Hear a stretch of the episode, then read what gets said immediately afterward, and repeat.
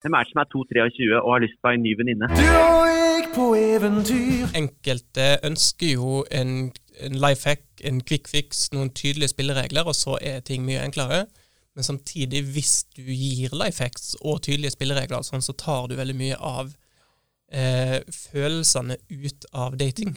Og det vil gjøre at mange da mister interessen totalt. Fordi det å gå på date med noen som er safe, er det ikke veldig mange som syns egentlig er interessant. Du og jeg på eventyr. Hvis du tror at du skal kunne bare spasere inn i voksenlivet og inn i kjærlighetslivet uten å gjøre kanskje svært grunnarbeid i ditt eget liv, da har du kanskje veldig urealistiske eh, forventninger til livet. Du og jeg på eventyr. Altså, det er ikke en forlovelse oppi den kaffekoppen, og det må vi være enige om.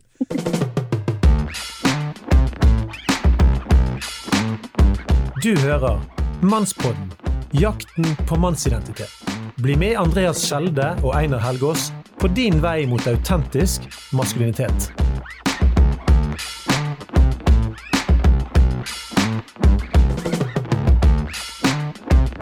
Yes, da er vi videre i denne her dating eh, Ja, hva skal vi si, maratonet våre, Einar. Og vi, i dag er vi utrolig heldige at vi har fått med oss eh, Lars Ove og Elise. Og vi kan jo begynne med damene først, som vi liker å si det. Så Elise, kan ikke du fortelle litt kjapt om deg sjøl, en fun fact eller noe så sært om deg, og hva driver du på med, f.eks.? Det kan jeg gjøre. Jeg eh, heter Elise, ja. Jeg eh, bor i Stavanger for tida og kommer fra Jæren, Klepp. Jeg er 26 år, og nå jobber jeg eh, i laget som eh, feltarbeider og får masse muligheter til å henge med ungdommer og fortelle om Jesus. Heia laget. Eh, Skikkelig rått. Heia laget. Hva har du studert, og hva ditt fulle navn må vi faktisk ha? Ja, jeg heter Elise Høstberg Amundsen, sånn tungekrøll. Eh, Yes. Men jeg har studert eh, sosialt arbeid, så jeg er sosionom. Og Så må vi ha noe som er litt sånn spesielt hos deg. litt sånn spesielt.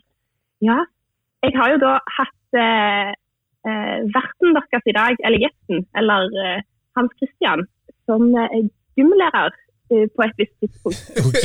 Eh, Det er helt rett. så det, det er sant. Jeg eh, må innrømme at jeg skulka noen timer. Det var ikke fordi jeg ikke likte å trene, eller fordi timene var dårlige, men det var en Kiwi på vei til gymsalen der de solgte is, og det var en veldig fin kafé på bibelskolen vår der vi kunne sitte og spise den isen. Så det hendte at uh, gym ble bytta ut Ja, det er greit da, at vi får rydde opp i det da, etter en eh, seks-syv år etterpå. Ja. Håper det ikke er noen vonde følelser. Nei, overhodet ikke. Og da går vi, og da går vi til Lars Ove. Kan ikke du si ditt fulle navn og eh, fortelle hva du driver på med, utdanning og noe sært om deg sjøl?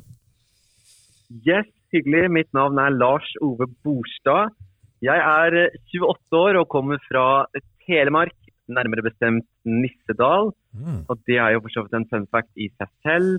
Um, men jeg er altså Oi, det var rart å si det, men jeg er utdanna Jeg har mastergrad i teologi og ledelse fra NLA-høgskolen. Um, og akkurat nå så bor jeg på Ungdom i oppdrag sin base utafor Hamar. Eh, og reiser rundt i landet og rett og slett promoterer Nei, vi kaller unge til en etterfølgelse av Jesus, som er helhjertet, og det er veldig, veldig spennende. Men er det en stor, fet konferanse på gang, eller? Hva var det du sa da? Er det en stor, fet konferanse på gang som du har noe med å gjøre? Det er noe fett i gjære som er litt uh, hemmelig foreløpig, som jeg ikke kan dele så mye om offentlig enda. Men Det går fint. følg med, så skal du se at det kommer noen store og spennende nyheter om ikke lenge. Spennende, spennende. Og siden vi eh, snakker om dating, da, så tror vi det hadde vært eh, gunstig om dere kunne delt litt om datingerfaring og det generelle dating i deres miljø. da. Så hvis eh, Kanskje Lisa, vil du begynne? Ja. Eh, så jeg spurte jo om min eh, dårlig eller god erfaring. Så jeg eh, kom på min eh, en klein erfaring jeg har var når jeg var et stund i Mellom-Amerika, i Costa Rica. Og der er det jo litt annen kultur. Um, der ble jeg kjent med en fyr som jeg tenkte på som kompis, og vi skulle henge. Uh, og så skjønte jeg i disse meldingene at eh, han tenkte date, eh, og det var av ulike grunner uaktuelt. Og da skrev jeg veldig tydelig at måte, jeg har veldig lyst til å henge med deg, men kun som venn. Hvis det er greit, så kan vi godt henge. Hvis ikke, så, så eh, vet jeg ikke helt om vi kan måte bruke tid sammen. da. Der han skriver det respekterer jeg, supert. Eh, Eh, jeg vil gjerne henge med deg bare som venn òg. Og så har vi en kjempekjekk dag i lag der vi ja, finner på masse forskjellig gøy. Eh, jeg tenker yes, dette funker bra, nå har jeg en ny kompis. Eh, og ca. fem minutter etter vi har da gått fra hverandre, så får jeg en melding der det står noe sånt som Hei, eh, takk for en kjekk kveld. Jeg tenkte på å kysse deg hele kvelden, og håper du ikke gifter deg når du kommer tilbake til Norge. Oi! Shit, for et kompliment, Elise! Hæ? Ja. En mann som vil kysse deg, det må jo være jo. Hæ? Ja, det kunne jo vært. jeg kjente det var ja, litt sånn forventning eh, versus eh, realitet ble litt sånn ja, miksa, da. Mm. Men det, Eh, og så er det ikke for å la deg få for mye selvtillit, Elise. Men jeg har litt erfaring fra å være mye på, på Bali i Indonesia. Og der, Når vi er i utlandet og vi kommer fra Norge, så, det, så får vi veldig mye oppmerksomhet. Er nordmenn sexy, er det det du ja, sier? ikke, ikke- eh, ja rett, nettopp. Det er nettopp det vi får. Så ikke for liksom, Du skal ha selvtillit, absolutt. Ja, takk. Eh, Men, men vi, er, vi er ganske heldige der ute. Om eh, ikke Ja, vi er heldige. Mm. Absolutt. Men Lise, men det miljøet du går i, hvordan vil du beskrive datingkulturen? Litt sånn kort. Eh, jeg lever jo i miljøet med etterdønninger fra Hans Christian sin datingmaster og seminar med hans eh, kompiser og eh, nære venner. Så jeg vil jo si at det har blitt mer åpenhet rundt det, i hvert fall. Folk snakker mer om det. Eh, er litt mer eh, Det er litt lavere terskel, tror jeg, for å skulle si ja til en kaffe eller be noen ut på en kaffe. Eh, samtidig som det fremdeles er ja, litt sånn der forskjellige forventninger til det og litt forskjellige meninger om det. Og, eh, definitivt en del som sitter langt bakpå når det kommer til å ta initiativ og, og til å takke ja til ulike initiativ. Mm. Det, en av de gøye tingene med at du sier det, er, det ene er jo at Hans Christian sitter her og ser at eh, det arbeidet hans har gitt frukt, men dette er jo òg et håp for andre miljøer i Norge som kanskje ikke har hatt Hans Christian på besøk, men som hører på den. Altså et miljø som har eh, noen konstellasjoner som bør endres på. og må jobbe godt med kulturen. Det fins håp. Det er bra. Mm. Absolutt. Lars Ove? Mm. Yes, altså hva skal man si? Positiv og negativ datingerfaring. Jeg er 28 og singel. Jeg tror det taler for seg selv. Eh, at, at eh, det har vært eh, opp og ned, for å si det sånn. Eh, jeg har ikke vært kronisk singel i 28 år, så jeg har litt av ulike erfaringer. Men, eh, men at jeg har mye erfaringer, ja. Og, og, og ved å være i et studentmiljø over mange år, særlig da i Oslo, som jeg har studert mest, um, så er jo mitt generelle inntrykk at det er eh, det er mange tanker rundt det. eh, Det er mange, mange spørsmål. Det er mye usikkerhet, kan man jo si. Det er litt sånn, Hvem skal ta initiativ? Når, hva betyr hva? Så er det sånn hemmelig språk. Tolke hva betyr kaffe? Hva betyr smil? Hva betyr en Facebook-hilsen? Eh, Så mitt generelle inntrykk er jo at det er eh, for veldig mange komplisert. Um, Og det er jo kjempebra at vi da kan ta opp det i en talepodkastserie som det her. Men bare for å presisere det, du gikk i Philadelphia i Oslo, sant? Stemmer ikke det? Stemmer. Jeg har gått eh, noen år i Philadelphia-kirken i Oslo. Stemmer. Ja, Det er jo et av de største eh, kristne studentmiljøene i Norge. stemmer. Jeg vet ikke, du fikk sikkert med deg den undersøkelsen fra 2018 som viste at det var, det var vanskelig å finne hverandre. Det, det, er rett, det er rett og slett, det har ikke blitt bedre etter det heller. Jeg vet ikke, Det har vært mye korona nå, men har du inntrykk av noen bedring, eller er det, hjalp ikke den undersøkelsen heller? Nei, altså den undersøkelsen satte jo ordet på litt, men eh, nå har jo ikke jeg vært, i- det skal sies at jeg har ikke vært i Oslo siden koronaen kom, så særlig. Så Ja. akkurat hvordan det ser ut nå, det, men det er sikkert litt krevende også pga. korona. Men det er spennende. Her er veldig mange spennende ting som vi kommer til å gå dypere når vi kommer oss videre. Men da har vi vår, faktisk vår faste spalte, Einar. Nettopp, nettopp. Hallo, er det mulig? Som, Det er navnet på den faste spalten. Ja, utrolig bra navn. Og Einar, jeg tror kanskje du kan begynne da med en sær ting om deg sjøl. Ja, Ok.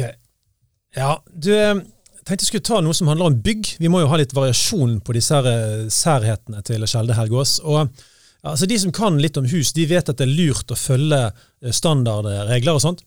Men eh, når vi skulle bygge hus i, i 2005, så hadde jeg en idé om at vi måtte sørge for at det ene soverommet ble et stort sånn filmrom da, seinere. Og for at det skulle bli stort, så gjorde jeg rom, døra inn til soverommet til meg og kona 80 cm brei istedenfor standard 90. Og de som, de som kan bygg, de vil, jo, de vil jo neglisjere meg resten av livet. For det her, du gjør jo ikke det. sant? Så det som er problemet, er at altså, vi får jo ingen møbler inn på soverommet. Så meg og kona vi sover jo på en sånn tynn, tynn, tynt liggeunderlag fra, fra 80-tallet. Sant? Og Grunnen til at vi har fått fire barn, det er at altså, man må jo prøve å holde varmen inne i det der rommet. Sant? Så jeg, eh, dette er flaut, og jeg tror jeg regner med eh, dette kommer jeg til å få høre. for å si det sånn. Du da, Andreas. Hva, hva skjer? Er det noe gøy på, det, på ditt liv? på en måte? Sære ting. Eh, altså jeg kan jo fortelle om en sånn stor frykt jeg hadde. da. Jeg vet ikke om det er sært. Jo. Kom igjen. Ja. Det går fint. Eh, jeg er veldig redd for eh, slanger. da. Så det er sånn at hvis jeg ser en dokumentar om slanger, så har jeg liksom mareritt. Og eh, der er liksom eh, drømmer, og så drømmer jeg liksom at slangene liksom krabler seg over beina mine, da. Og så våkner jeg, da. Og jeg er helt sånn der eh, Ja, helt i øsko, da. Så det heter så fint på bergensk. Nå skulle jeg ha spøkt tilbake, men jeg syns dette var såpass alvorlig at jeg bare skal si at alle vi som hører deg, vi er glad i deg, Andreas. Takk for det. takk for vi skjønner deg. Ja. Den menneskelige syke, det er sammensatte ting. Det er det. Og så anbefaler vi å ikke se dokumentaren. Ja, men, men det er litt sånn spennende òg, på en måte. da Så jeg klarer liksom ikke helt Jeg syns det er sånn digg. Ja, men ok, ja, greit om det. Nok om det. Men eh, da tenker jeg at vi skal bevege oss videre. Uh, så vi begynner jo bare rett på, da. Er en kopp kaffe og date det samme? Altså, Det er jo et uh, veldig godt uh, spørsmål. fordi Det virker som at det har danna seg en kultur som på veldig, ma- veldig mange måter sier at det er det. Så, sånn som uh, mitt inntrykk er akkurat nå, fra datingkultur i bl.a. Oslo, så ja, jeg velger å si ja på det spørsmålet. Kan jeg bare stille oppfølgingsspørsmål? Hvordan opplever du at denne kulturen har dannet seg? Nei, altså Det er jo et godt spørsmål. for Når man bare kommer inn i en kultur, så er det ikke alltid så godt å vite hvordan det har danna seg. Så Det skulle jeg gjerne hatt et godt svar på, men eh, jeg vil jo kunne bekrefte at eh, det oppleves som at det er sånn. Så jeg opplever at eh, det kan bety begge deler. Og en tolker det jo i den retningen vil tolke det gjerne hvis, hvis jeg får en sånn melding. Så hvis jeg er i tvil på hva jeg sier ja til, så er min erfaring at det beste er å bare spørre rett ut og få en opplæring i det. For eh, ja, jeg har erfart at det betyr begge deler. Og det, det kan være veldig kjipt hvis en sier ja til noe en ikke tror si ja til. Eller eh, ja. Mm. Uansett hvilken retning det går. Du jeg liksom bare stille sånn oppfølgingsspørsmål på det, men er ikke litt sånn spennende òg, på en måte? Hvis du ikke helt vet hva han antyder? Jo, og jeg tenker spenning er jo en veldig kjekk del av romantikk og dating. Ja, men samtidig så, så tror jeg ikke det er så sunt, da.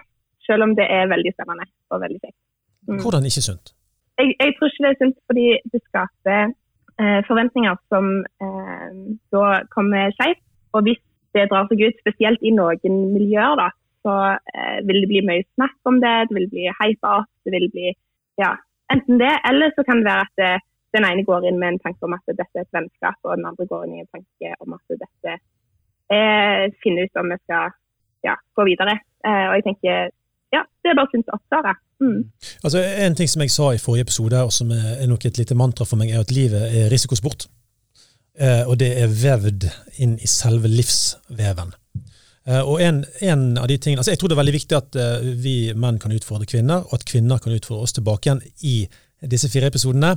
Og jeg, et av mine spørsmål overfor kvinnen er er dere for opptatt av kontroll. For jeg, jeg ser på en type i psykologi og sånt, så ser jeg at altså det, med, det er en av utfordringene til kvinner som ønsker å ha kontroll på mange ting i livet, i familielivet osv. Og, og denne egentlig ganske magiske greien mann-kvinne, man bruker ord som eventyr, og det er man kan ikke vite, man må gå inn i et landskap, og, for, og så finner man det ut underveis. Det er litt sånn narrativ som jeg jobber med. Men Hans Christian, hva, hva tenker du? Hva skal vi si inn i dette her? Jeg tenker, eh, Vi kommer ikke utenom det at spenning vil alltid være en viktig del av dating. Enkelte ønsker jo en, en life hack, en quick fix, noen tydelige spilleregler, og så er ting mye enklere. Men samtidig, hvis du gir life hacks og tydelige spilleregler, sånn, så tar du veldig mye av eh, følelsene ut av dating. Og det vil gjøre at mange da mister interessen totalt. Fordi det å gå på date med noen som er safe, er det ikke veldig mange som syns egentlig er interessant. Selv om vi kan si at det kanskje er jo det som er Altså, safe er jo safe. Ikke så du. Mm. Elise? Det, ja, nei, jeg merker I min natur så er jeg veldig der at jeg vil definitivt ikke ha den Jeg liker kontroll, men jeg er mer fan av spenning enn kontroll. Og så er erfaringen min at akkurat denne oppklaringen er allikevel veldig lur. Eh, bare sånn helt generell basis hvis en er usikker, og hvis sier jeg ikke er interessert i noe mer av veldig klare grunner, Um, så vil jeg heller avklare det enn å gå med på noe som jeg ikke ønsker å si ja til. Lars Ove må få slippe inn nå. Hva tenker du om disse tingene? tingene? nei, det, det syns jeg, det syns jeg er veldig fint av deg, Elise. Jeg støtter egentlig veldig godt det du sier om, om ja, så klar kommunikasjon. Da. Eh, Det, det syns jeg er kjempefint å bare etablere det. Um, samtidig så lurer jeg jo litt på der ute, hvis man skal være helt ærlig. Hvor mange unge menn er det som egentlig spør ei dame ut på kaffe uten å tenke noe mer? Ja, Ja. Hvem er, er, hvem, er det som er, hvem er det som er 2-23 og har lyst på en ny venninne? Altså, jeg, bare, jeg, jeg, bare, jeg, bare, jeg bare legger den der Jeg bare legger den der ute, og så får Og det er jo det jeg har tenkt tidligere, men grunnen til at jeg sier det sånn, er jo fordi jeg har erfaring med at jeg da har spurt og fått tilbake at eh, nei, jeg tenker bare på venn. Ja, Det høres ut som en mann som har tatt halen mellom beina og trukket seg litt. Ja, mulig. mulig. Jeg er veldig enig med, jeg er veldig enig med Lars Ove. Altså, jeg, jeg håper jo at denne podkasten kan bidra til at kvinner og menn forstår hverandre bedre. Og det du sier, Lars Ove, er kjempeviktig. Altså, Jenter der ute, når gutten sender deg melding om kaffe og ikke sier at, han er, at dette er en date, det er en date for han. Altså ferdig arbeid. Sånn er det. Og da må du forholde deg til det. Og Hvis du ikke vil på date med han, så avslår du høflig. Og hvis du tenker dette er spennende nok, og i, nå hørte vi nettopp at det var et miljø der det var sånn at første, det var det IMI i Stavanger? Altså første daten så skal du alltid si ja.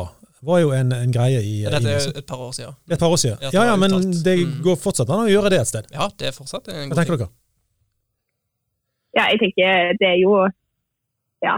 Eh, Etter Hans Christian sitt eh, opplegg, så, så har jeg blitt mye mer åpen for å skulle si ja til deg. For jeg tenker vi må heie på å ta initiativ, og vi må heie på å ta sjanser og bli kjent. Og ikke legge så sinnssykt mye vekt på eh, Altså, det er ikke en forlovelse oppi den kaffekoppen, og det må vi være enige om. Godt Ja, Det skal du ikke se bort ifra, Elise. Nei, jeg skal Lars Ove, da. Herlig. ja, jeg har gått på noen smeller der, altså det er bare å beklage på vegne av alle menn. Eh, ja, kjempebra. Jeg er enig. Yes, eh, vi har egentlig vært innom det, da. Altså, burde man dra på date med noen man vet man ikke kommer til å gifte seg med?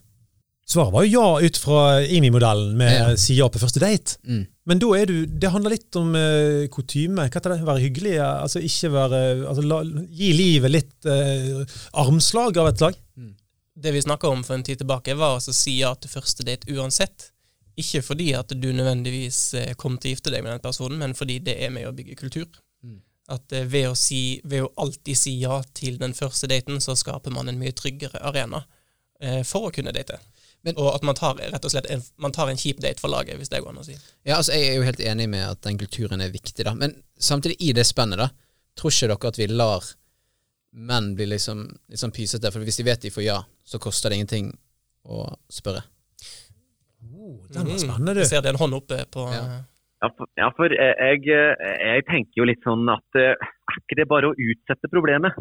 Er ikke det bare Ja ja, da er den første Ja, men da utsetter problemet til kaffen nummer to, da. Og så blir det bare e- enda flere samtaler som må tas.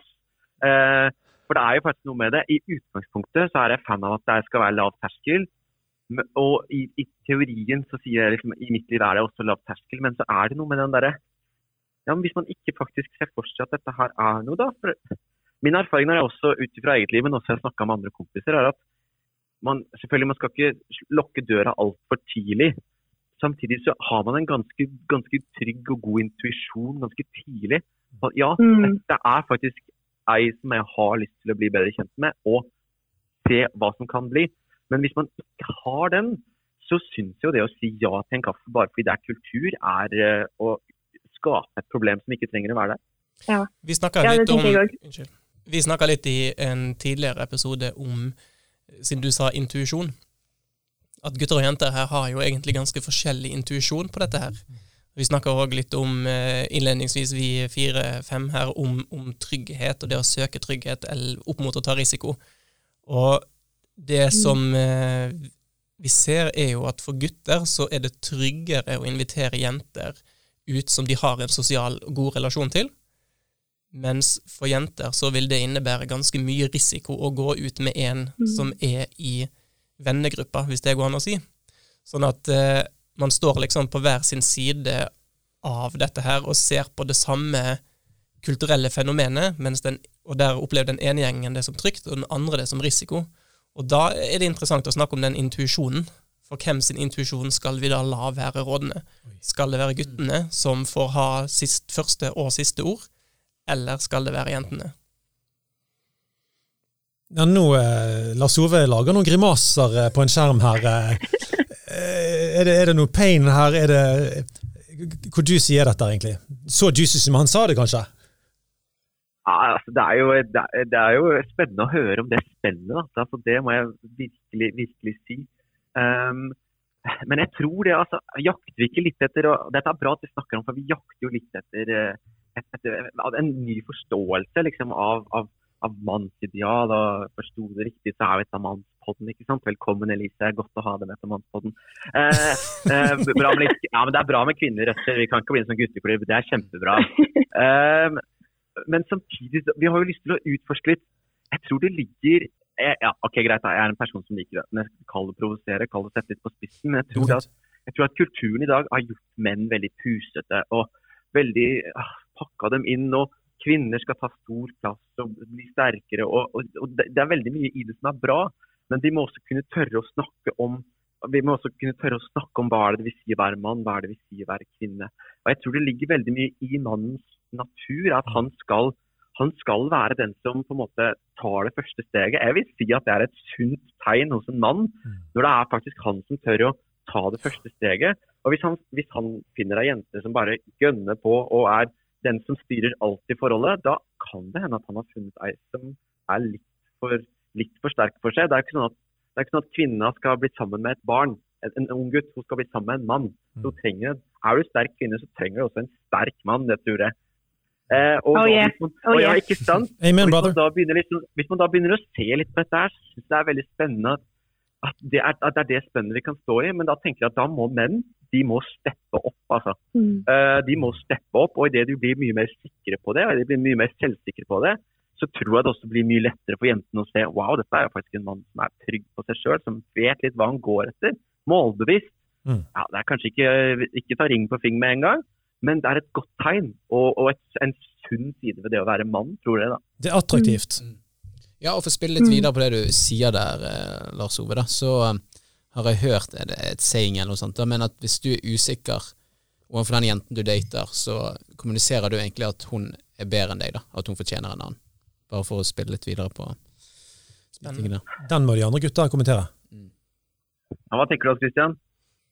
Nei, jeg har ikke noe umiddelbar kommentar på den. Mm. Um, nei, det har jeg ikke. Den var litt tøff. Ja, ja jeg, jeg, jeg må, jeg må kverne litt mer på den i ja. så fall. Ja, og jeg tenker jo ikke nødvendigvis at ordet 'bedre' vil, vil være det rette å bruke eventuelt. Mm. Men, men altså, dette her går jo helt tilbake, og det går jo tilbake til den oppgaven han veldig bra skrevet. Men, men det, med det om identitet også, ikke sant? kristen identitet. Mm. Eh, altså, det handler jo om noe av det mest, eh, noe av det mest irriterende jeg hører, for å være ærlig, da, er jo Hollywood-historien om at to brutte, to brutte hjerter skal komme sammen og bli et helt. Mm.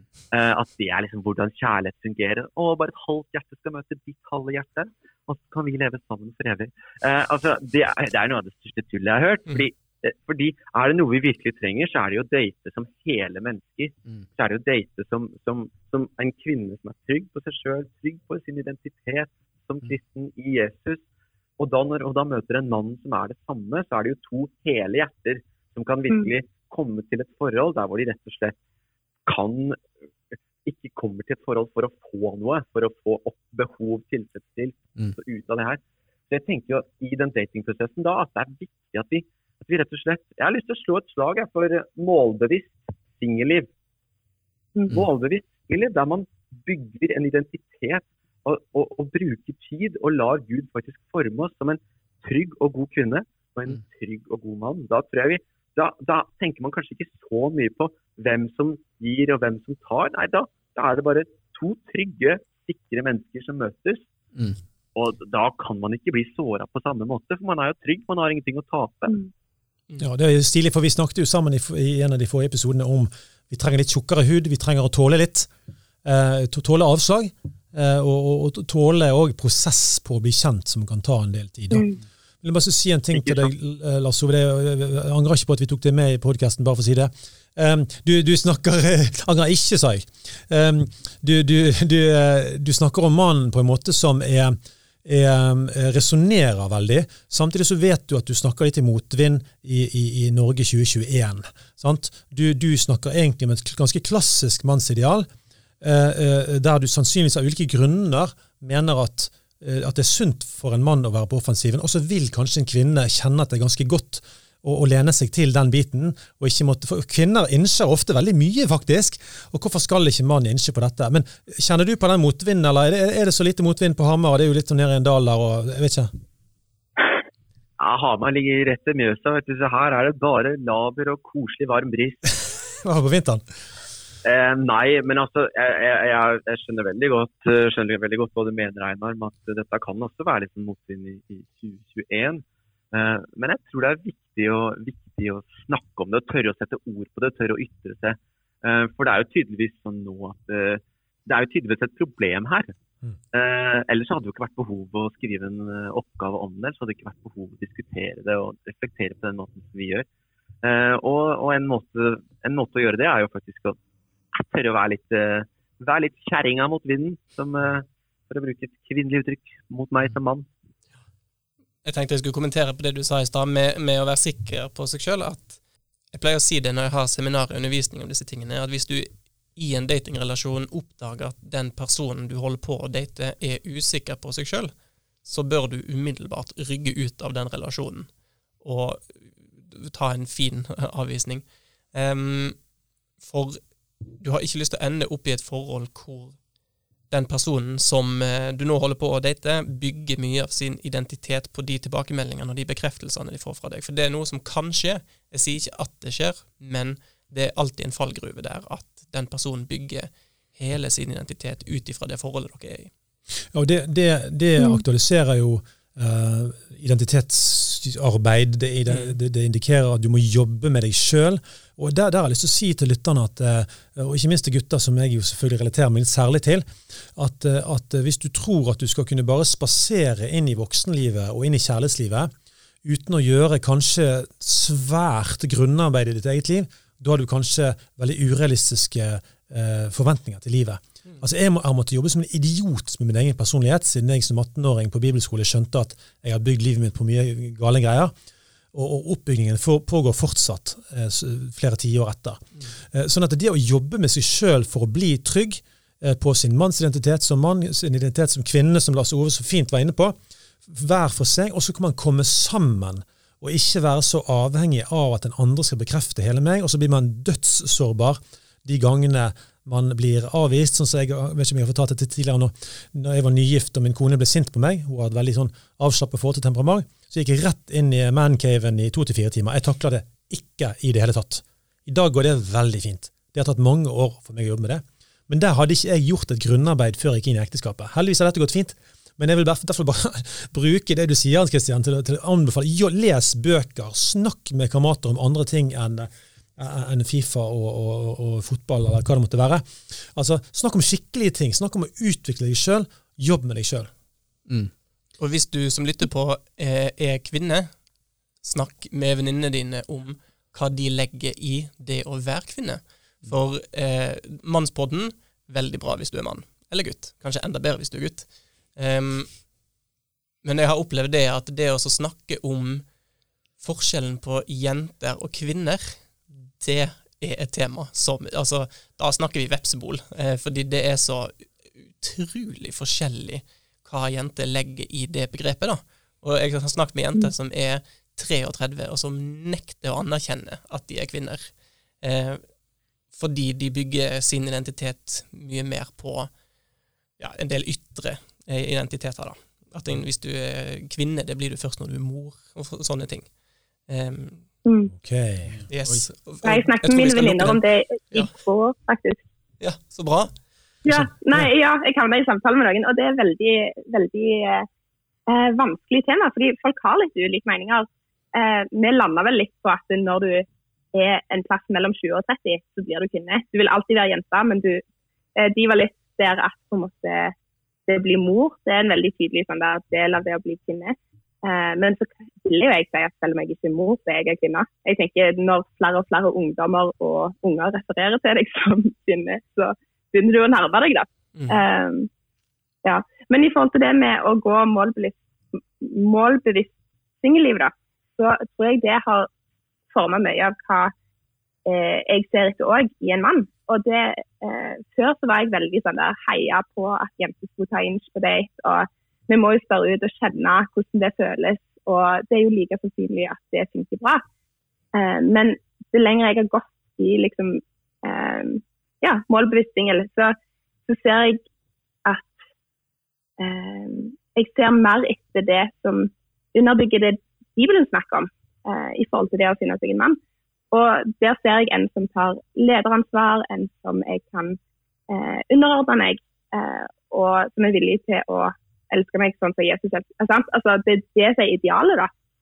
Og da tenker jeg hvis han enten ikke tårer å være sårbar nok til å spørre meg ut, eller han ikke har oppdaget meg på den måten, så er det kanskje ikke mannen for meg, da. Mm. Det, men det betyr ikke at jenter skal være bakpå og ikke vise at de er interessert, og ikke ta initiativ i det hele tatt. Men, men det å på en måte gi det lederansvaret, og det er liksom for en eh, litt sterk personlighet, så er det veldig vanskelig å gi det fra seg. Men jeg tror det er noe veldig veldig vakkert og verdifullt i å gjøre det. Mm. Mm. Ja, jeg, jeg, støtter jo den, men jeg tror jo òg at i eh, Kristen-Norge, da, eh, iallfall Kristenbergen, der jeg har mest kjennskap til, da, så er det mange av disse guttene eller mennene som du f.eks. søker da, Lise, det finnes veldig få av de da, som tar lederansvar, og som er mm. passive. da. Eh, og Jeg har opplevd både i min egen menighet at uh, det er faktisk kvinner som tar større plass. Kvinner er faktisk mer frampå. Eh, nå går jeg i Salem, mm. NLM. da. Du skulle ikke tro at der var det sterke kvinner, men det finnes veldig mange sterke kvinner der. Eh, og jeg tror jo Det er kanskje litt det vi snakker om, at det er liksom frykten for å bli såret. da. Eh, og den henger veldig igjen på oss eh, gutter. Så jeg, jeg, bare lurer på, har dere noen sånn Ok, Selvfølgelig vi skal bygge identiteten vår på Jesus, men har dere noen sånn praktiske tips til lytterne våre? For menn er jo kanskje, eller gutter er mer praktisk rettet. Hvordan de kan bygge en sunn og god identitet. Ja, altså, jeg, jeg, jeg beit meg veldig merke til det du sa, Einar, med måten du reagerte når eh, kona di i ekteskapet ble, ble litt eh, frustrert eller litt sint, og så måten du reagerte. Og Det tror jeg er veldig, veldig mange måter vi menn reagerer. Vi, vi, vi, vi kommer i relasjoner sånn, og så reagerer vi sånn. fordi det er, det, er altså, det virker som det er noe i oss, noe i identiteten vår, som, som vi er litt usikre på. Kanskje mm. vi har hatt litt. Kanskje vi har hatt en mor som har vært fantastisk varm og god, men så har, og noen har kanskje hatt en mor som har vært kjempestreng. og så er det sånne, Man kan liksom se det sånn at vi har ulike Alle har ulike oppdragelser, på en mm. måte. Eh, og gjennom ulike, Når vi da har møtt på ulike kvinneforbilder i livet vårt, så har de fått lov til å satt ulike spor i livet vårt. Ja. Og, og ut ifra det så reagerer vi rett og slett um, så Sånn som når du kom i den situasjonen, Anders, jeg tror at du, du fikk en veldig sånn Oi, hvorfor reagerer jeg sånn som jeg gjør nå?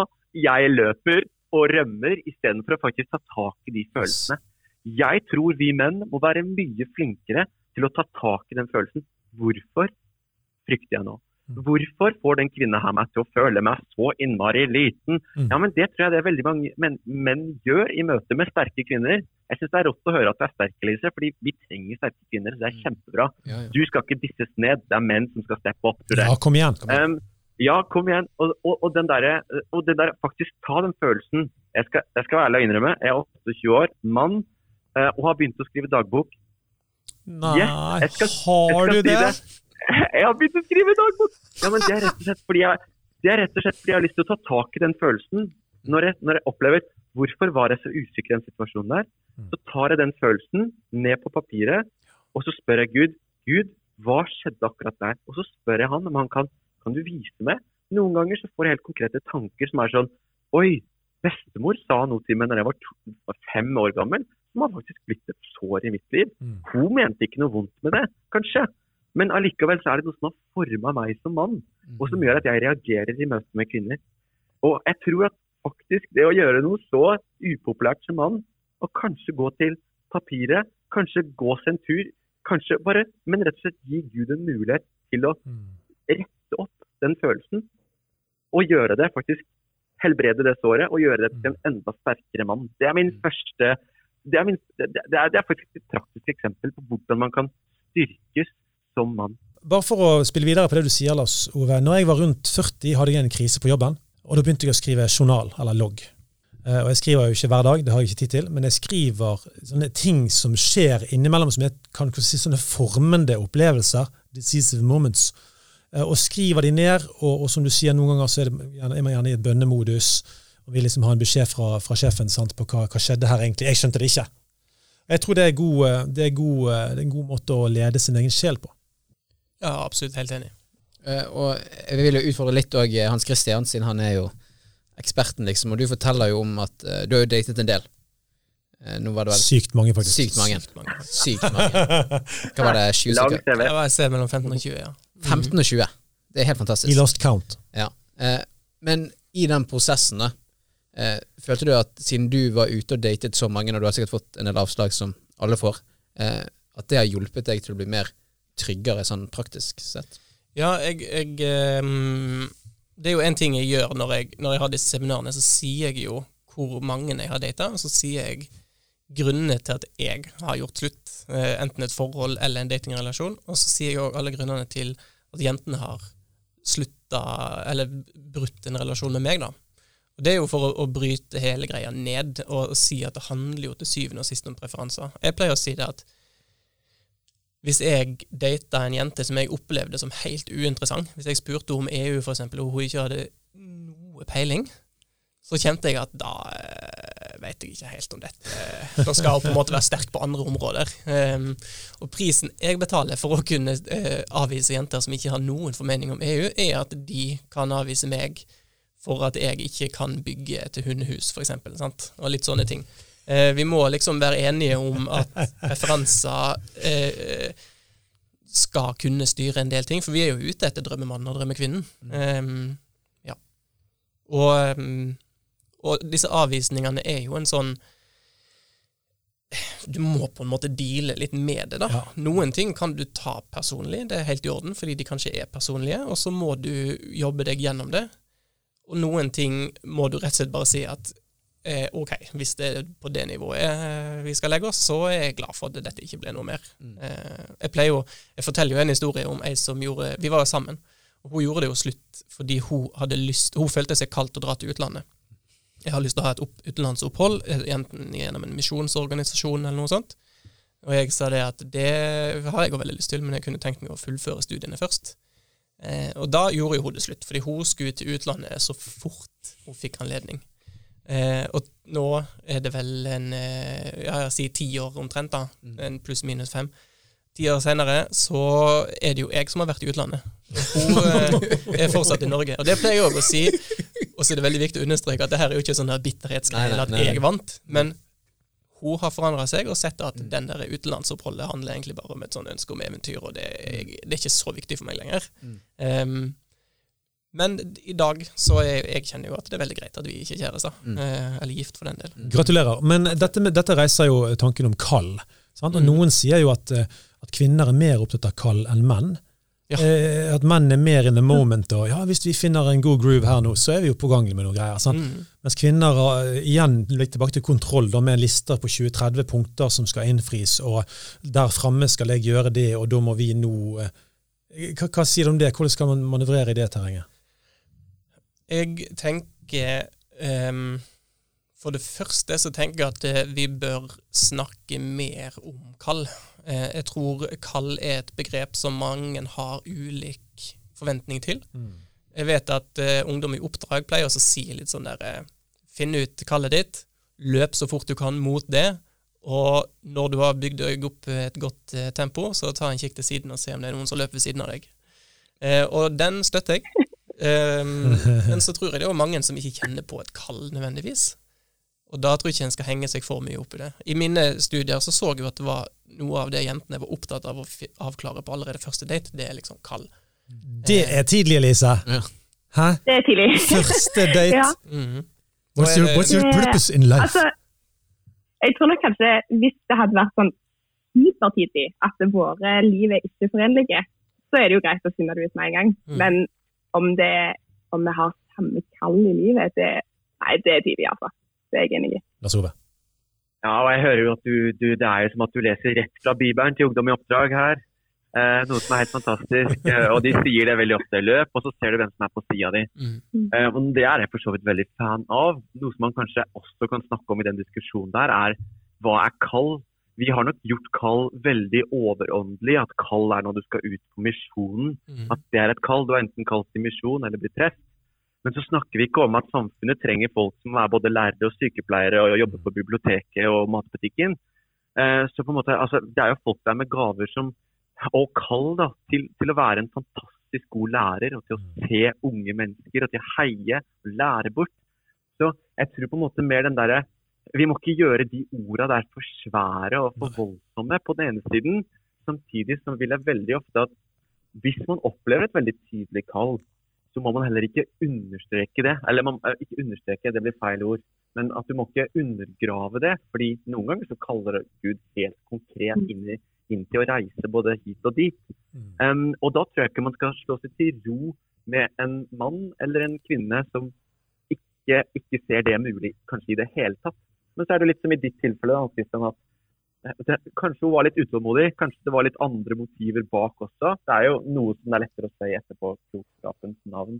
Men jeg tror kanskje en diskusjon og en samtale om kall også da kan være fint i dette her. Mm. Mm. Jeg vil bare skyte inn Ja, jeg sist Unnskyld, Melise. Nei, du kjør på. Jeg vil skyte inn en sånn siste greie der på at Og dette er min opplevelse.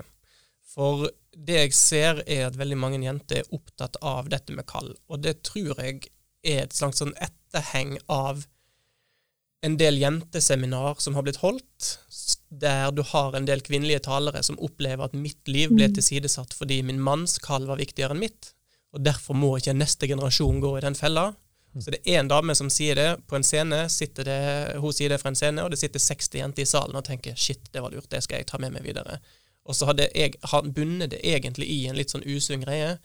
Um, ja, det er min opplevelse. Og jeg tror ikke det gjelder for alle, men jeg tror det er en, eh, noe som vi lider, altså forrige generasjons tabber, som vi lider litt av, da. Men, men å senke terskelen her, virker det som vi alle kan være litt enige om at, at, det- at det, det, det må være lettere å komme inn i disse tingene enn enn at mm.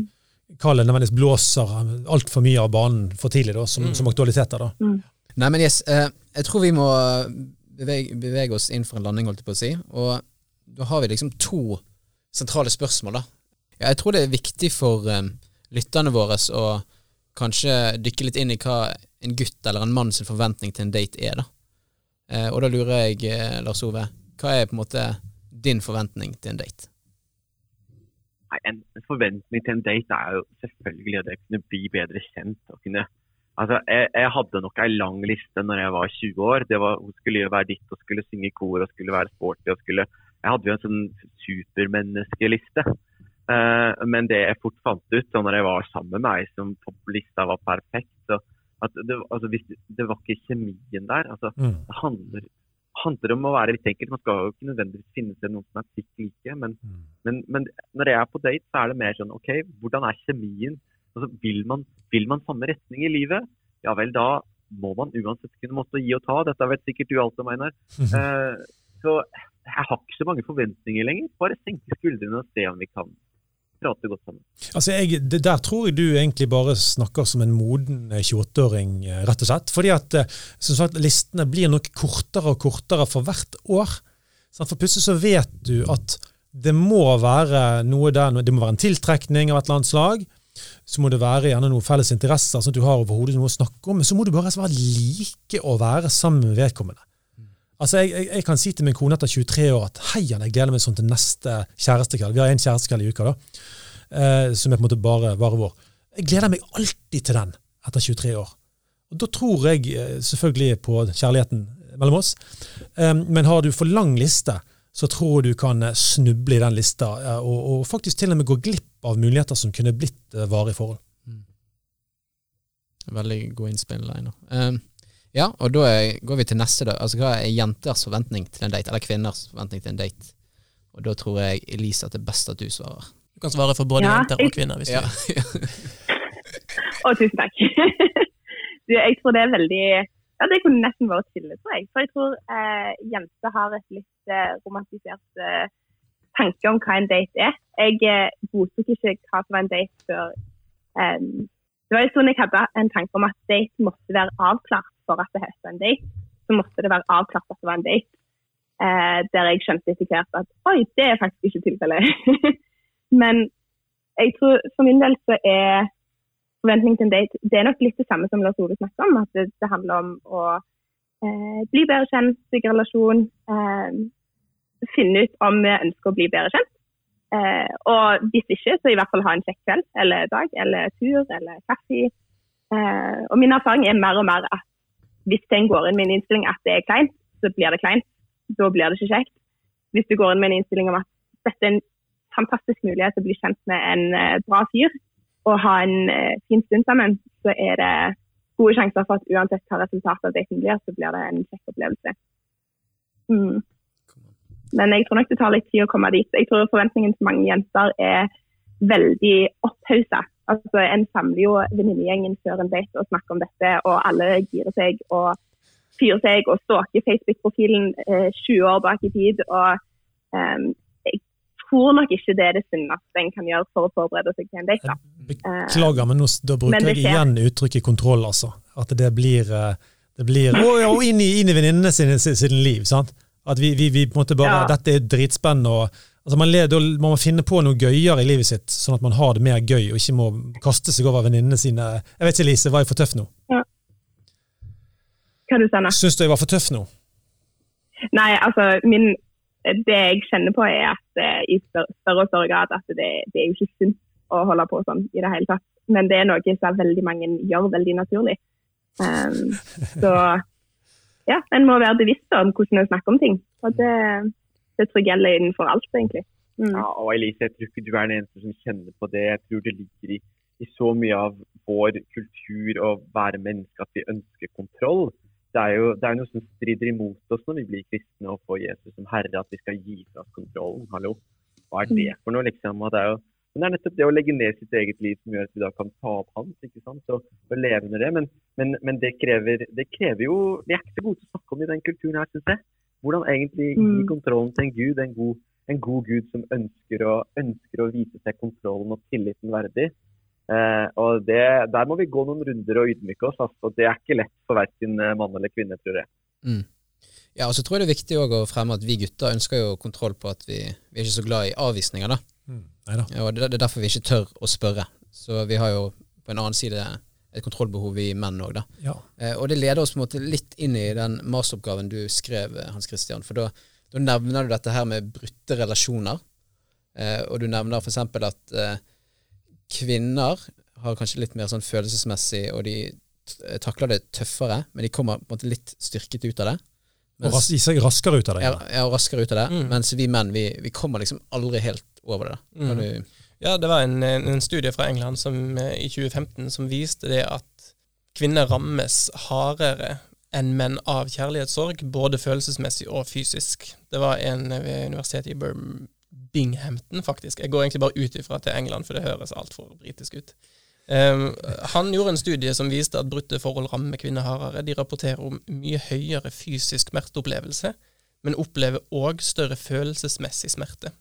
Den studien viser videre òg at kvinner, i motsetning til menn, kommer styrka ut av et brutt forhold oftere. da. Menn kommer aldri helt over brutte relasjoner eller sånne avvisninger, de går bare videre. Og om det er en ukultur som har satt seg, eller om det er noe som ligger i mannen, det er jo et eh, får vi ta opp med Gud når vi kommer der. Ja, absolutt, men jeg tror ett eh, ord som jeg syns ikke er så veldig vanskelig å ta fram her, er jo stolthet. Mm. Altså, altså vi, vi, at, at menn har mye konkurranselyst på basis av vår biologi, det, er, det, er bare, det henger sammen, det. Og når vi da får en avvisning, så forteller det deg altså Det treffer deg midt i hovedspørsmålet til en mann, nemlig har jeg det som trengs. Mm. Og jeg tror det er riktig. da. Det er et stort spørsmål for oss. Og med en gang du får en avvisning, så betyr det at jeg, jeg har ikke det som trengs. Mm. Og så snakket vi i forrige episode òg om at jo, men hallo, det, det, å, å, det, det finnes andre kvinner der ute. At det gikk dårlig med akkurat den. Hvorfor må du klappe sammen? Noen flytter jo hjem til sin mor i to-tre måneder og klapper helt sammen. Og jeg, jeg er veldig for at både menn og kvinner skal, skal få lov til å sørge over avvisning. Mm. Vi er, vi er sårbare mennesker. Men, men, men der har jeg veldig sansen for kvinnens evne til å gå videre. En sånn selvoppholdelseskraft på at dette, dette, dette forteller ikke alt om meg. Jeg, jeg har håp om videre ting. Og, og de mennene som, som da skuffer dette under teppet og bare går videre som en Clint Eastwood, liksom. Og bare liksom Wow, I'm a tough man. Og så ligger det og bobler noe i sjela som ikke er tatt opp. sant? Og Da har du Lars Ove med Ungdom i oppdrag og sånt som, er, som, som helt klart ville anbefalt en annen vei. sant? Altså, her, her er det snakk om at du kan snakke med noen mennesker, du kan få snakke gjennom det, du kan få grine deg gjennom det, du kan bli bedt for. Hva tenker du, Lars Ove? Det var vel ikke feil? Ja, nei, jeg syns det høres kjempe Jeg synes det er spot on, det er her. Og det, det er som du sier, at det, det rokker jo ved noe helt grunnleggende. Er, altså, er jeg bra nok, eller er jeg god nok, eller er jeg på en måte mann nok, og sånne ting. Og, og en ting som hadde vært spennende med den studien hans, Christian, er jo også eh, Ikke for å gå i, ta det et helt annen vei, på en måte, men også hvor, hvor knytta var de som data eh, seksuelt. Eh, altså hvor, hvor intime hadde de vært. Mm. Fordi hvis vi snakker om, hvis, vi, hvis man da begynner å snakke om at okay, om det er faktisk seksuell, eh, at, det har vært, at de har vært veldig intime seksuelt sammen også, eh, så da vil man jo kunne snakke om sår som er, som er mye dypere enn bare et brudd og bare stolthet. Mm. Da vil man jo også kunne snakke om sår på nesten ja, på sjelelig nivå, som, Ja. som kanskje er dypere enn hva den studien får fram. Da. Fordi Mm. der er det virkelig noe Hvis man er, hvis man deler opp ja, rett og slett hvis man er seksuelt intim med veldig, veldig mange, så er det klart at man deler ut deler av seg sjøl til, til folk som gjør at det er sår da, som er dypere enn det vi tror vi snakker ordentlig om i dagens samfunn. Ja, altså, jeg tror jeg det handler mye om hvordan det med de sårene da, handler mye om hvordan en avslutter. Mm. Eh, om det er på en sunn måte eller ikke. Jeg har selv erfaring av å gjøre det på en veldig dårlig måte. Bare liksom full eh, stopp eh, plutselig når jeg innser at dette funker ikke. Eh, og ikke gå prosessen, da. Ikke snakke ut om ting, ikke eh, jobbe med ting. Og det skaper så mye dypere sår enn hvis en våger å stå i den der tøffe prosessen og eh, snakke ut om ting og jobbe gjennom det. Og de sårene der, hvis en bare på en måte bryter, så, så er det jo ikke sunt. Altså, da går det mye dypere, og det, det varer mye lenger òg. Jeg har i hvert fall tatt mye lengre tid på å komme meg etter den typen brudd som har vært eh, umodent eh, avslutta, da, enn eh, en de som er litt mer moden. Mm. Men det kommer jo med fint, fint, fint, at du, unnskyld, fint at du guider gjengen litt på det. Altså, ikke gjør det for raskt. Det er mennesker her, og, Mm. og selv om du raskt finner at dette går ikke, så trenger du ikke kutte i løpet av en dag eller tre. Eller. Du, kan gå Mhm. litt, du går med et annet menneske som har en sårbar sjel, men det er litt sist, min siste ting å nevne på akkurat dette nå, kanskje. For denne Philadelphia-undersøkelsen tilbake i 2018, en ting jeg husker derifra, er at eh, det var et generelt trekk at eh, altså jentene gikk og ventet på at guttene skulle ta initiativ, eh, og det var et generelt trekk hos gutter at de hadde prøvd én gang. Jeg gjentar én gang, og så ga de seg. Og det er så ufattelig tidlig. Og her sitter Hans Christian ved min side som prøvde 15-20 ganger. Du er jo en helt! Um, og da, sant, da sier jeg til gutter i Philadelphia og gutter overalt sant? Altså, altså, altså, kom igjen. Sant? Det, er, det er et eller annet med å være offensiv. Og en lærer på, på, på Danielsen videregående som eh, er en legende, sa at eh, eh, det blir gjerne mange bomskudd før du treffer blink. Eh, Men da må du tåle at pila forsvinner ut i skogen, og at du må leite litt, og at det er litt styr. Sant? Og så før den pila eventuelt sitter. Det er jo heller ingen garanti for alle at vi lander i et godt forhold. Men, men, men, men, men man være tålmodig, og så må ikke man ramle sammen eh, fordi man får noen avslag. Eh, eh, eh, men istedenfor å gå alene med det, sånn som vi er inne på, sånn, snakk med andre. Ikke vær denne mannen som lukker seg inne, og så bare bobler det noen sår under der, og så bare skal du liksom riste det av deg. Jeg har ikke tro på den løsningen. Lars? Ja, jeg er helt, helt enig, Einar. Og, og man, altså man, man må jo tåle dette her. Og jeg vil være litt hard på det, faktisk. Man må tåle det. Og greia at Hvis du kommer inn i et forhold hvor du har hatt målbevisst singelliv, hvor du er trygg på deg sjøl, hvor den som gir deg identitet er Gud, og du får liksom, ok, du vet at du er bekrefta, du vet at du er elska, så har du på en måte ikke så mye å tape hvis noen avviser det. Nei vel, da, da er det noen andre for meg der framme. Det går ikke ut på min identitet. det går ikke, Jeg er ikke for dårlig, jeg er ikke feil. Nei, for du, du lar jo ikke den, den avvisninga gå på identiteten din. Du er ikke avvist som person selv om du ikke blir sammen med den jenta. Ja, og da- da må jeg bare si En av våre kvinnelige lyttere sendte meg en TikTok-video. Jeg er ikke på TikTok, og det var den første TikTok-videoen jeg har sett. Så det var egentlig litt gøy. Mann 46 ser TikTok-video. Eh, Men den var utrolig fin. Der var det rett og slett en som hadde lagt ut et par minutter om forskjellen på det å være en kristen mann og være en gudsmann. Eh, Og jeg skal ta fram ett moment der. Han sier at en, krist, en, en kristen mann kan si at han elsker deg, men en mann av Gud, en gudsmann, elsker Gud mer enn deg. Og Det Lars Ove, det går litt inn på det som du snakker om. At hvis du tror at denne ene kvinnen skal bestemme over din sjel, at hun nesten har, har ditt mannehjerte i hendene sine, og så kan hun bare knuse det bare sånn, sant? da har du gitt for mye av deg sjøl til kvinnen. Det er derfor du skal bruke Gud som din hovedvalidator, eller hva i verden det måtte hete. Altså Han validerer deg og sier at du er 100 Jeg elsker deg tvers igjennom. Ingen kvinne kan ta fra deg din verdighet. Den mannen som har skjønt det, kan gå til kvinnen med den styrken som mannen i utgangspunktet har i seg. Ja, og jeg, jeg tror du er veldig innpå det der, da. Og så tror jeg vi gjør det litt praktisk òg. For vi menn liker jo å ha ting liksom sånn Ok, hva kan du gjøre? Så jeg har et tips liksom hvordan å komme seg over denne her frykten for å bli avslått. da. Eh, meg og en kompis vi hadde sånn avslagsterapi i sommer. Eh, veldig gøy. Altså, det, blir sikkert en lang sommer.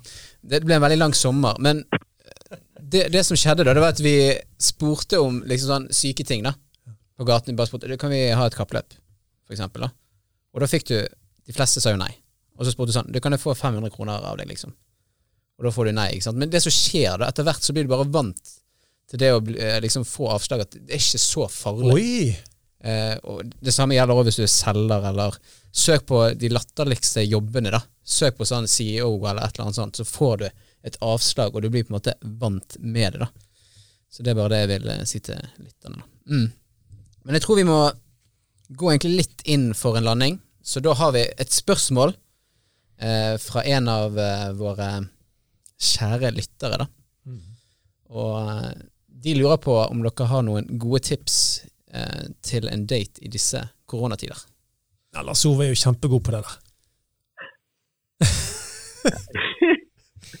Ja, altså det, det kommer jo det, Han beskriver kanskje Han eller hun beskriver kanskje ikke situasjonen han eller hun sitter i akkurat nå.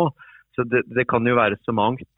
Eh, men eh, altså, når det er koronatid, er det fint vær. Altså er temperaturen grei. Det å, det å gå seg en tur, det er, min, det er min erfaring. Hvis man går seg en tur, har man alltid noe å prate om. For jøss, der var det en stein. Og jøss, der var det et vann. Og jammen så var det ikke tre også. Nei, ja, Det hørtes ut som en dårlig date, men, men det er noe med det å bare komme seg ut, kunne bevege seg litt. Ikke nødvendigvis måtte sitte og ha øyekontakt hele tiden. Hvis du ikke kjenner det med en gang, så blir det liksom litt sånn Ja ja. Litt kleint, ass. Komme seg litt ut tror jeg er eh, et godt tips, altså. Mm. Helt enig. Det er en eh, absolutt beste tipset jeg eh, vil jeg påstå. Men mens vi er i ferd med å gå inn for avrunding, Lars Ove, du er jo en eh, herlig fyr, må jeg si. Aldri møtt deg før. Men har du mer du har lyst til å si nå når du sitter der med, med mikrofonen din eh, og har, har eh, en haug med folk rundt om i landet foran deg i forhold til dating? Eh, ja, altså når du, når du legger opp ballen på den måten, så kan man jo ikke noe annet enn å smashe. Og, og jeg syns det er veldig bra det dere gjør og det dere tar opp på en podkast som det her, og virkelig dykker dypere for, for å rett og slett snakke godt om hva det vil si å være mann. altså. Eh, kjempebra. Og jeg tror, jeg tror det er veldig viktig. Vi har ikke snakka så veldig mye om det i denne episoden her, og dere skal kanskje snakke mer om det senere. Men det å, det å faktisk kunne snakke om eh, det å kunne snakke om å være kristen, og det å snakke om å være ren, altså renhet som kristen. Eh, altså, jeg skal være ærlig med dere. eh, og det er ikke lenge siden det gikk opp for meg Eller jeg, jeg skal ta et scenario for dere. Før så tenkte jeg sånn Ja ja, men hvis jeg er kristen mann og jeg ikke har sex før ekteskapet, men hvis jeg klarer liksom bare å undertrykke seksualiteten litt, så, så er det greit. Da kan vi liksom bare kjøre på ekteskapet, og det er bare å ha det gøy. Mm. Men, men det gikk opp for meg for ikke lenge siden faktisk at oi, hva vil, hva vil seksuell renhet si? Eh, er ekteskapet bare et utløp for, for lyst, liksom? Mm. Nei, det tror jeg virkelig ikke det er. Og hvis man bruker litt tid sånn, med målbevisst singel og søker Gud for de tingene her, ok Gud, hva vil det si at jeg har et rent syn på kvinner? Hva vil det si at jeg har et rent syn på seksualitet? Rent syn på sex, rett og slett. Noe Mm. som er så bra, og som Gud har skapt. Um, så er det ikke sånn at du trenger mindre selvbeherskelse når du er i et ekteskap. Det er ikke sånn at uh, du mister øya for alle andre kvinner på jorda når du går inn i et ekteskap. Neida. Du trenger virkelig å faktisk ha selvbeherskelse, og du trenger en renhet som stikker mye dypere enn bare det fysiske. Eh, og, og det, det er noe som jeg må ærlig innrømme at det har tatt veldig lang tid for meg å sette og ikke ha turt å snakke høyt om. Mm. Men det å faktisk snakke, tørre å snakke om OK, gutta, la oss sette oss ned. Hva vil det si å være, hva vil det si å være ren? Hva vil det si at Gud kan gjøre, oss, gjøre tankene våre rene? Mm. Eh, hvordan kan vi behandle kvinner på en ren og hellig og, og gudelig måte, rett og slett? Mm. Eh, det tror jeg er noe som unge menn eh, har lyst til å snakke om og har lyst Mm. til å finne ut av. Hvordan kan vi rett og slett leve eh, i renhet? Nydelig. Det skal vi definitivt gå inn i, Andreas. Ja, det er det ingen tvil om. Og Nei. vi har bare lyst til å takke eh, Lars Ove og Lise. Takk for at dere var med på denne her episoden. Det har vært helt vilt, og vi har fått veldig gode innspill, så vi er veldig takknemlige for det. Eh, og det her er jo på en måte et sensitivt tema. Det det, så altså. eh, det krever sin kar, og det krever sin kvinne om å være med på dette. Men jeg håper jo at de som hører på, eh, har, har, eh, har blitt inspirert av at vi Jeg syns vi har vært litt rå òg her. Vi har på en måte ikke sittet her og pakka ting inn i bomull, for hvem blir hjulpet av det når dette er skikkelig litt heftige ting? Jeg håper dere tar det med dere inn i kollektivsamtaler, eh, men ikke minst eh, Jeg har lyst til å oppfordre egentlig altså, La oss si alle jentene i Salem i Bergen, alle jentene i eh, Hillsong i, eh, i Stavanger ta en samling når korona er ferdig, og snakk sammen om datingkultur. Jeg vet at Hans Christian, at du har oppfordret om sånne ting tidligere, og at guttene kan samles for seg. Ja, hva er våre spilleregler? Hvordan skal vi behandle jentene? Og hvis, eh, hvis Truls går og dater Trine, hva skal vi andre gjøre med det? Eh, Stort sett holde kjeft, holdt jeg på å si. Men altså, vi lar de finne ut av det, så videre. Altså, snakk om spilleregler som gjør at, at, at terskelen går ned, flere snakker sammen, for en må ha tid for å bli kjent, og da kan man finne ut om det blir noe mer greier. Mm, vi er helt enig. Og takk òg til Hans Christian, du er jo på en måte vår ekspert i disse her episodene, og det er vi veldig takknemlige for. Og til våre trofaste lyttere der ute, la Mannsbåten fortsette å spre seg hvor enn du går.